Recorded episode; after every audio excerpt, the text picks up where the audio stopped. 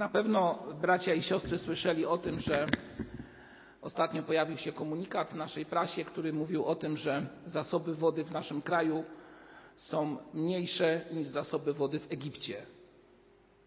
Usłyszawszy to, mówię, Boże, to my jesteśmy pustynią, tak? W tym momencie.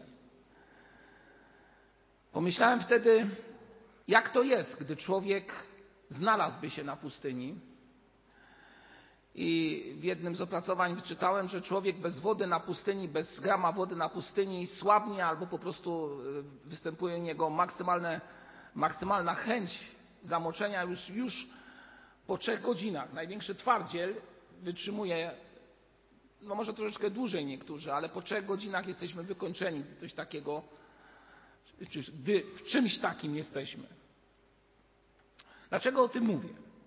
Ano dlatego, że dzisiaj chciałbym Was zaprosić, bracia i siostry, do tego, abyśmy spojrzeli na człowieka, który y, jest jedną z głównych postaci Starego Testamentu. I ten człowiek w pewnym momencie swojego życia, na skutek różnych okoliczności, które wydarzyły się w jego życiu, znalazł się na pustyni. Znalazł się na pustyni i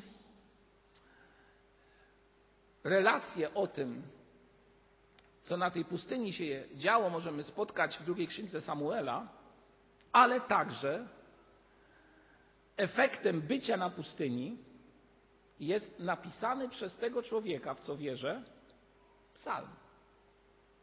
Otwórzmy psalm 63. Psalm Dawidowy.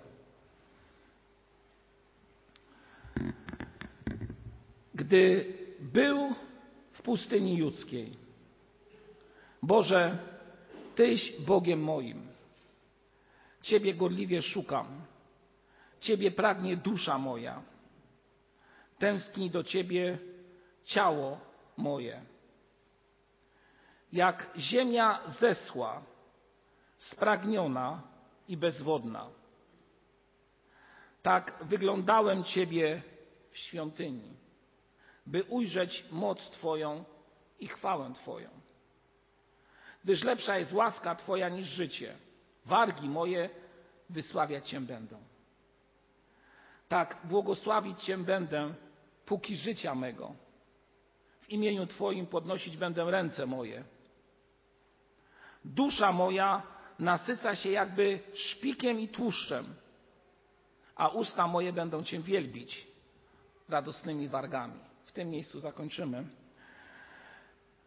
Bracia i siostry, mowa jest tutaj o człowieku, tak jak powiedziałem, jednej z głównych postaci Starego Testamentu, czyli o królu Dawidzie. Czy ktoś pamięta z jego historii, co było powodem, że znalazł się właśnie w tym miejscu, że znalazł się na pustyni? Proszę? Saul. Też, ale jeszcze był powód drugi, oprócz Saula i ucieczki przed Saulem. Czy ktoś pamięta? I tutaj właśnie jest ten psalm tego dotyczy. Dobrze, to wprowadzę troszeczkę. E, ktoś powie, bracie, no to szkółka niedzielna się zaczyna, tak? A, dobrze.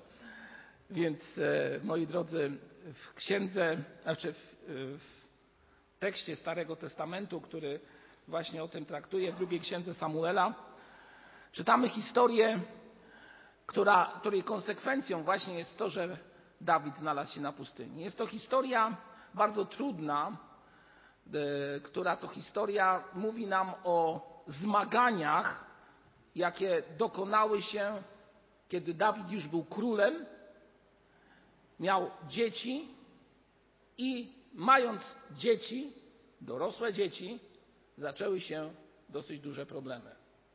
W myśl zasady, którą w Polsce, którą w Polsce dobrze znamy, małe dzieci mały problem, duże dzieci tak jest, wszyscy dopowiadamy, wiemy o co. Dokładnie to spotkało króla Dawida. Od czego się zaczęło? A więc jego pierwszy syn, gdyż pierwszy umarł, ale ten, który nastąpił po nim, nazywał się Amon, był człowiekiem byśmy powiedzieli, mocno e, zapaczonym pewną kobietę. Tylko, że kobieta ta, którą on sobie upatrzył, była jego siostrą, a właściwie siostrą jego brata, bo Dawid miał e, więcej żon. Tak czy inaczej była to najbliższa rodzina. Nie będę mówił o szczegółach tej historii, tylko będę w punktach przedstawiał fragmenty, które są zapisane w drugiej księdze Samuela od rozdziału 13 i zapraszam Was, abyście w domu sobie tą całą historię przeczytali. A więc w punktach, co się wydarzyło. E, Amon tak wykombinował, że Tamar e, została e, podstępnie, można powiedzieć, przyprowadzona do niego, aby przygotować mu posiłek, kiedy on udawał, że jest chory. Następnie rzucił się na nią i efekt był wiadomy. Ona została zhańbiona i kiedy wychodziła z e, tego pokoju, gdzie, czy też pokoju, miejsca, gdzie on przebywał, spotkał ją Absalom, jej brat zabrał ją do siebie. Ale e, ta zemsta, która była w, na oczach tego brata Tamar, była tak wielka, że po dwóch latach, i to jest to, co kiedyś tutaj mówiłem Wam, że gdy człowiek nie przebaczy, to zemsta w nim siedzi i po pewnym czasie się człowiek tak nakręca, że to jego, można je powiedzieć, ta jego chęć zemsty, to pałanie zemstą, doprowadziło do tego, że wykombinował, aby yy, doprowadzić do sytuacji, w której Amon, ten, który zhańbił jego siostrę, znalazł się z nim w miejscu poza Jerozolimą. I tam Absalom zabił swojego brata. Zabił swojego brata w zemście za to, co on uczynił jego siostrze. Uciekł. Uciekł, gdyż wiedział, że spotka go kara. E, kara jego ojca, króla Dawida, i przez trzy lata był nieobecny w Jerozolimie. Ale król Dawid, mąż Boży według serca Bożego, ojciec swojego syna, miał dobre serce. I uległ namowom Joaba, aby sprowadzić tego Absaloma do Jerozolimy. Sprowadził go, on przez pewien czas nie, był, nie było możliwości, aby znajdował się na e, dworze Dawida bezpośrednio przy nim, gdyż nadal był napiętnowany za ewidentny zły czyn. Ale po pewnym czasie Absalom znowu cwaniakowo, że tak powiem, cwaniakował, tak to określa, albo po prostu kombinował, albo jeszcze coś wymyślał, żeby po prostu jednak trafić do łask Dawida, no i wreszcie te, do tych łask trafił. Czyli otrzymał przebaczenie i należną pozycję jako syn króla. Ale tego mu było mało. Tego mu było mało. Gdyż był człowiekiem, który myślę, że wiedział, jaki jest wspaniały, piękny. Jego dzieci, które się rodziły, były piękne, dostojne. I to on myślał, że wie, że wie o wszystkim i jemu należy się pozycja, którą ma Dawid. I kiedy przychodzili ludzie z Izraela, aby Dawid ich sądził, on stawał przy bramie i tak manipulował słowami. Ja jeszcze raz powtarzam, ja bardzo skrótowo tą historię omawiam. Ja zachęcam, wiem, przeczytajcie w domu, bo jest bardzo, bardzo ciekawa. A więc tak manipulował ludźmi, że ludzie uwierzyli jemu. I doprowadzili do tego, że on w pewnym momencie zrozumiał, że już ma tylu zwolenników, że wezwał, kiedy był e, w Hebronie, ludzi z Izraela i tam ogłosił się królem. Syn króla Dawida. Jego najbliższe dziecko. Ogłosił się królem. Królem w Izraelu. I co się okazało? Że tych, którzy byli po stronie Dawida, było mniej niż tych, którzy byli po stronie Absaloma. I co musiał Dawid zrobić? Uciekać z Jerozolimy. Wyjść z Jerozolimy. I gdzie udał się?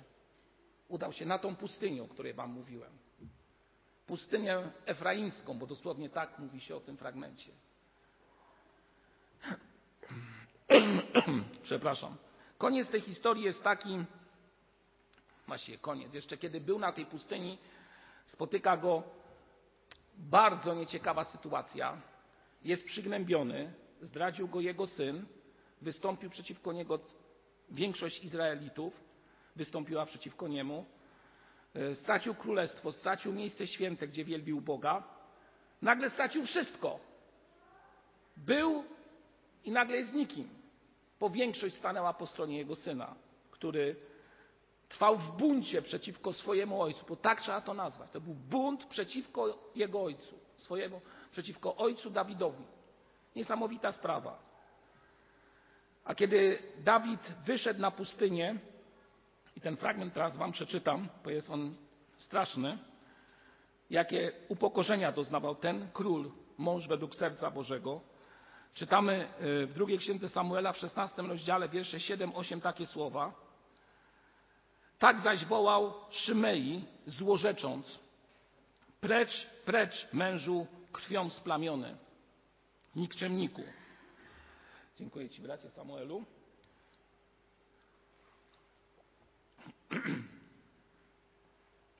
Precz, precz, mężu krwią splamiony, nikczemniku. Sprowadził Pan na ciebie wszystką krew domu Saula, w miejsce którego ty zostałeś królem. I oddał Pan królestwo w rękę Absaloma, twojego syna. I oto jesteś w niedoli, którą ściągnąłeś na siebie, gdyż jesteś mężem splamionym krwią. Wyobrażacie sobie tą scenę? Zdradza go jego syn, odwracają się od niego Izraelici, a przynajmniej większość z nich. I jeszcze wychodzi człowiek, który ból, który był, sam, był w królu Dawidzie, potęguje czym? Złożyczeniem. No można powiedzieć apogeum odrzucenia. Wszystko, co może spotkać złego człowieka, wyraża się właśnie w tej historii. Traci to, co najcenniejsze i jeszcze przychodzi ktoś i mówi, a widzisz, sprawiedliwie się to stało. Poodebrałeś królestwo Saulowi, to teraz Pan Bóg odbiera je, odbiera je tobie przez twojego syna. Bo jesteś kim? Bo jesteś kim? Człowiekiem, który ma splamione ręce krwią. Niesamowite, tak? Któż z nas nie przeżywał, może nie aż tak ekstremalnej historii, ale bardzo podobne historie w naszym życiu? Kiedy tracimy wszystko, odwracają się od nas najbliżsi, śmiejąc się często w twarz, a potem przychodzi ktoś jeszcze i mówi: No, dlaczego tak się stało? Bo to jest Twoja wina. Ty zawiniłeś, że tak jest. Ty zawiniłeś, że tak się stało. Tak działa diabeł. Przeczytajcie tą historię, bo naprawdę jest ona bardzo istotna. Myślę, że w życiu wielu z nas. A więc Dawid jest na pustyni, moi drodzy jest na pustyni. Ta przestrzeń realna, którą stanowi pustynia, można tą przestrzeń realną pustyni odnieść do tak zwanej kondycji duchowej człowieka, czyli Twojej i mojej kondycji duchowej. I często mówimy, że jesteśmy na pustkowiu duchowym, na pustyni duchowego naszego życia, po coś się skończyło, po coś nie jest takie, jak powinno być. Oczywiście, gdybym teraz zadał pytanie, czy ktoś z Was kiedykolwiek znajdował się na takiej pustyni, myślę, że wiele rąk by zostało podniesionych. Ale gdybym zadał następne pytanie, czy może teraz nie jesteś na pustyni, no myślę, że niektórzy by mieli obawę o tym powiedzieć. Dlatego odwołuję się do waszego duchowego życia i proszę was, abyśmy, ty i ja, zadali sobie pytanie, czy aby na tej pustyni duchowej nie jesteśmy teraz. Przed modlitwą przeczytałem fragment z księgi Ezechiela, mówiący o kim? O Izraelitach proroctwo mówiące o tym, że Ezechiel widzi dolinę pełną kości, wyschniętą, całkowicie wyschniętą bez życia. I to też jest symbol duchowego, duchowej egzystencji wielu ludzi. Ale ożywcze tchnienie, kiedy te kości zaczynają się wiązać, powodują, że wracają do jakiejś tam egzystencji. Czy wiecie, z czym wiąże się to słowo ożywcze tchnienie, które właśnie pada w księdze Ezechiela? Gdzie padło to po raz pierwszy w Biblii? Proszę? Adam i Ewa. A właściwie Adam. Bo Pan Bóg co zrobił? Ulepił człowieka z gliny I dopiero kiedy Pan Bóg tchnął w człowieka, co tam jest powiedziane? Dech życia albo tchnienie życia. Z hebrajskiego nefesh haya to po prostu spowodowało to to, że ten Pismo Święte mówi, że człowiek ten stał się istotą żyjącą albo istotą żywą. Tchnienie Boga powoduje, że człowiek zaczyna normalnie funkcjonować. Kości, które były zeschłe, są scalone, ale dopiero dech życia powoduje, że zaczynają, że te kości stają się normalnym człowiekiem, albo z nich staje się normalny, prawdziwy człowiek. I teraz wróćmy właśnie, jak zachowuje się ten, który jest na pustyni, czyli Dawid. Na pewno w sensie duchowym jest człowiekiem, tak jak powiedziałem, który wszystko stracił. Schnie duchowo. Cierpi. Cierpi. Gdy człowiek cierpi, to mu się nic nie chce. Popada w depresję. Popada w stany, które są trudne do wytłumaczenia tym, którzy tego nie przeżywają, o tak powiem, albo nie przeżyli. Jest jak wyschnięta latorośl, która jest, a jakby jej nie było. Idziemy teraz ulicami miasta i widzimy, że jest wiele zieleni, która jeszcze niedawno była piękną zielenią, a dzisiaj już ją nie jest. Wyschnięta. Pustynia.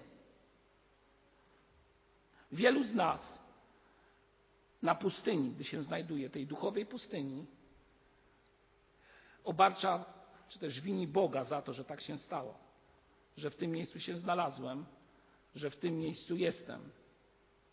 Dlaczego ja? Albo mówimy, Panie, to Twoja wina, nie byłeś dobry dla mnie, opuściłeś mnie. Ale właśnie dla nas wspaniałym wzorem jest Dawid który pomimo tego, że tak wiele stracił, jest na pustyni. Zobaczcie, co on wypowiada. Jakie słowa w tym momencie. I to jest piękne przesłanie, wręcz ewangeliczne przesłanie. Dawid mówi: Boże, Tyś Bogiem moim. Ciebie gorliwie szukam. Ciebie pragnie dusza moja. Tęskni do Ciebie ciało moje jak ziemia zeschła, spragniona, bezwodna. Wyobraźmy sobie to w kontekście życia duchowego, bo tak to należy tłumaczyć. Tak przynajmniej chyba będzie lepiej zrozumieć ten psalm. Tak wyglądałem Ciebie w świątyni, by ujrzeć moc Twoją i chwałę Twoją, gdyż lepsza jest łaska Twoja niż życie. I teraz popatrzcie, na tej pustyni mówi: Wargi moje wysławiać Cię będą. No, sceptyk powie, no za co mamy Boga wysławiać? No za co? Za to, że mnie pozbawiłeś wszystkiego i upokorzyłeś? Ale właśnie tutaj następuje odrodzenie. Po pustynia, moja, moi drodzy, pustynia duchowa, ewidentna tragedia, która może nas spotka, może w której jesteśmy, może doprowadzić do odrodzenia człowieka. Zupełnego odrodzenia człowieka. Coś straciłeś, coś co było Ci bardzo bliskie. Ktoś, kto był Ci bardzo bliski. To niekoniecznie muszą być nasze dzieci, to może być ktoś jeszcze inny. Ktoś fałszywie Cię oskarżył i tak jak szumie i krzyczał na Ciebie, o Ty jesteś winny wszystkiemu, o Twoje przelanek, przelana krew przez, twoja, przez Twoje ręce doprowadziła Cię do miejsca, w którym jesteś. Moi drodzy, to wszystko nie doprowadza Dawida do tego, że na skraju tego miejsca, w którym jest, krzyczy na Boga i obwinia go za wszystko, tylko właśnie ten człowiek, Dawid, prosi gorliwie, tęskni za Bogiem, ma świadomość, że jest spragniony i bezwodny, jest bez wody, tej duchowej wody, ale chce ujrzeć moc Twoją i chwałę Twoją. Gdyż, tak jak mówi tutaj, lepsza jest łaska Twoja niż życie. On ma świadomość, że może za chwilę utracić wszystko. Na razie jeszcze żyje, ma tam jakiś oddział wojska, który stoi za nim, ale de facto większość Izraelitów jest po drugiej stronie. A więc za chwilę może stracić życie. I mówi w bardzo prosty sposób: Lepsza jest, Panie, łaska Twoja niż moje życie. Bo ono nic nie znaczy. No właśnie, czy mamy taką siłę? Ja często zastanawiałem się nad tym, dlaczego Pan Bóg mówił, że Dawid jest według co? Serca mego. Dlaczego on tak mówił? Pomyślę sobie tak, że po pierwsze Dawid był człowiekiem, który popełnia ewidentnie grzechy, a więc był jednym z nas. To nie ulega żadnej wątpliwości. Ale kiedy popełniał ten grzech, to miał na tyle siły i refleksji do tego, aby pokutować. I chociaż był królem, to nie obnosił się z tym zbyt mocno, tylko w szczerości przed Bogiem prosił o Jego przebaczenie, o Jego łaskawość. I wiecie, co jeszcze jest najważniejsze? Dawid się nie buntował. Dawid nie trwał w buncie. Nie trwał w buncie. Trudno, stało się co się stało, ale ja, Panie, będę Cię wielbił. Jestem w miejscu, w którym jestem, ale ja, Panie, będę Cię wielbił. Bo ja wiem, że tylko u Ciebie jest rozwiązanie problemu. I dlatego to jest rozwiązanie, myślę, że też wzór do naśladowania dla każdego z nas. Człowiek w dzisiejszym czasie, kiedy znajduje się na tak, zwanym, tak zwanej pustyni duchowej albo w trudnych sytuacjach życia, kiedy przegrywa ewidentnie albo traci coś albo kogoś, różnie reaguje. Zamyka się w sobie, dyskutuje z Bogiem. Akurat to nie jest takie złe, bo z Bogiem można porozmawiać przecież. Chociaż kim ja jestem, żeby z nim rozmawiać, ktoś powie. Ale jeżeli jestem jego dzieckiem, to chyba mam prawo pogadać z moim ojcem, tak? A więc człowiek się jednak bardzo często obraża na Pana Boga, obwiniając go o wszystko, czy też za wszystko, co go spotkało. I znajduje się na tej pustyni w ten sposób, że no nie ma siły tego Boga uwielbiać, a jedyne co może powiedzieć, Panie, dlaczego tak się stało. Ale są też niektórzy, którzy po pewnym czasie są już tak silni i mówią, sam sobie dam radę rozwiązać problem. Już Panie Boże Cię nie potrzebuję, biorę wszystko w swoje ręce. To też jest pustynia duchowa, moi drodzy. Pustynia, która nazywa się, że ja wszystko wziąłem w swoje ręce. I wiecie co, wiecie, co się wtedy będzie działo? Że będziesz chodził po tej pustyni, będziesz miał fatamorganę, tak? O, studnia. Biegniesz do tej studni, jest, nagle nie ma. To było twoje wyobrażenie. Sam ją znalazłem. W rzeczywistości nic nie znaleźliśmy, bo tylko w Bogu jest pocieszenie duszy mojej. A więc, moi drodzy, kiedy jesteśmy na tej pustyni, wspomnijmy na chwilę naszego życia, w których w sposób szczególny na przykład Bóg nam błogosławił. Wróćmy do tej pierwszej miłości, o której czytamy na przykład w Księdze Objawienia, którą gdzieś zatraciliśmy. Przypomnijmy sobie chwilę, w której Pan Bóg w sposób szczególny nas dotykał.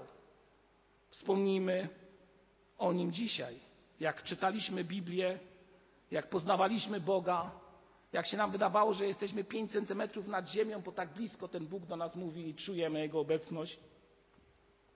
Jak to ktoś kiedyś powiedział, ale to pięknie było, jak byłem młody i tego Boga znalazłem w swoim życiu. No to tak właśnie, to było takie coś, takie coś pięknego, takie coś, co powodowało, że byłem prawie że jak anioł podniesiony.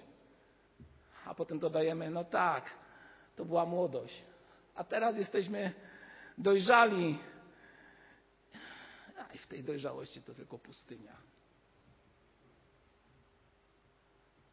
Powiem Wam, bracia i siostry, słyszę takie słowa z ust, nie boję się tego powiedzieć, wielu z Was. I sam często takie słowa w swoim wnętrzu aż boję się wypowiedzieć. Czy dojrzałość to dojrzałość duchowa to pustynia?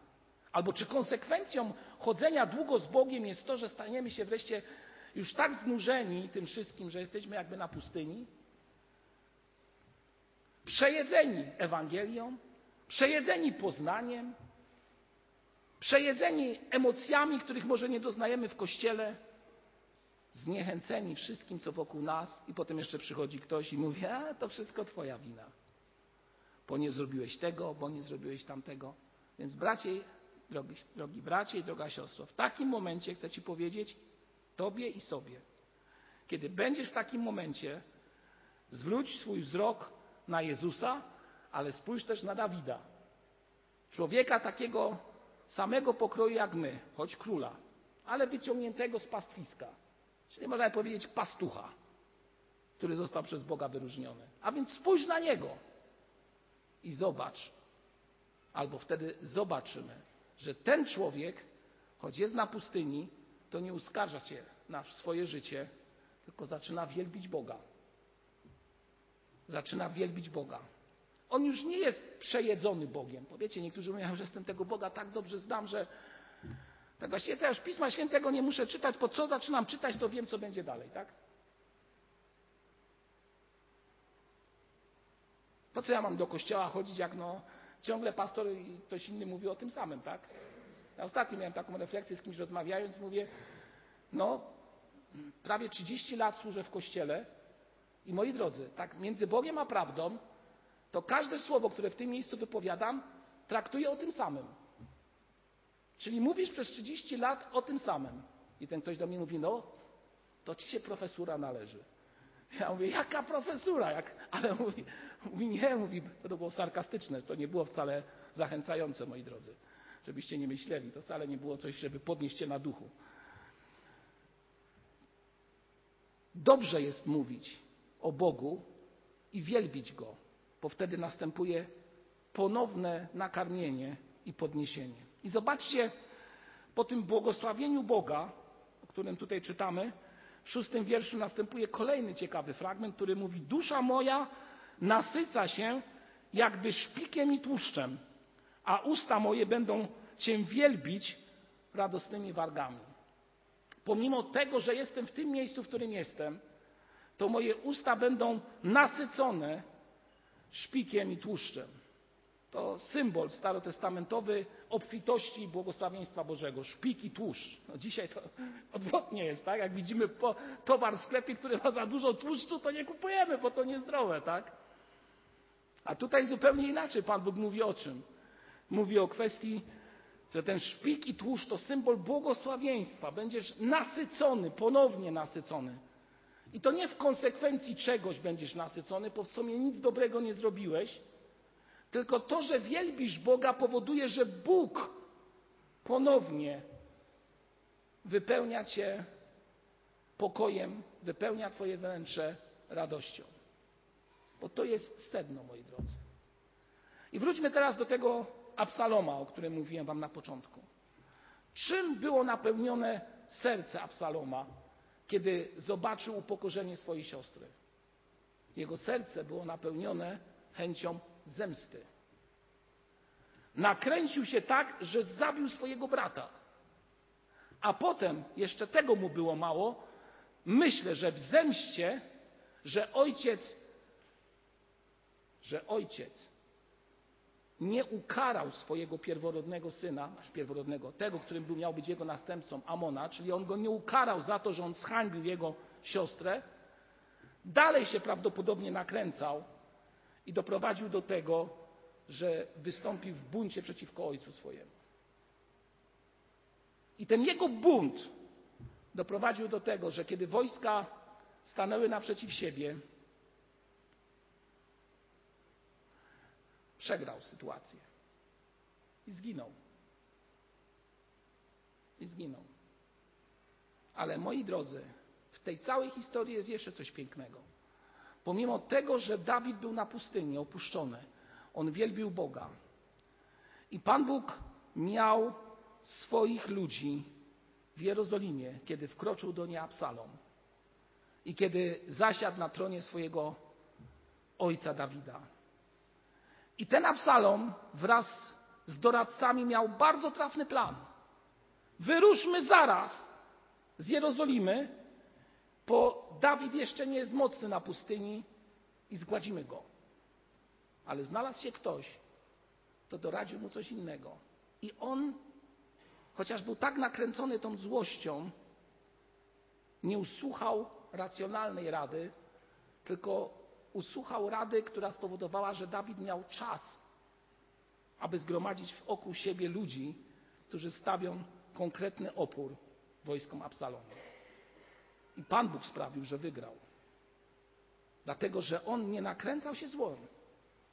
Dlatego, że Dawid ciągle przebaczał swoim dzieciom, bliskim i w ten sposób miłował Boga. I to przebaczenie, to przebaczenie doprowadziło go do tego, że nie był w złości w swoim wnętrzu, lecz w uwielbieniu przed Bogiem. A uwielbienie czyniło w jego sercu pokój, prawdziwy pokój. I zakończę słowami, które są dobrze znane Wam wszystkim. I nie skomentuję tych słów. Niech będzie to zdanie, które stanowi swego rodzaju kropkę nad i, albo podsumowanie tego rozważania. Księga Izajasza, 40 rozdział, wiersz 31. A może od 30 zacznijmy. Młodzieńcy ustają i mdleją, a pacholęta potykają się i upadają. Lecz ci, którzy ufają Panu, nabierają siły. Nabierają siły. Zbijają się w górę na skrzydłach jak orły. Biegną, a nie mdleją. Idą, a nie ustają. Idźmy, a nie ustawajmy.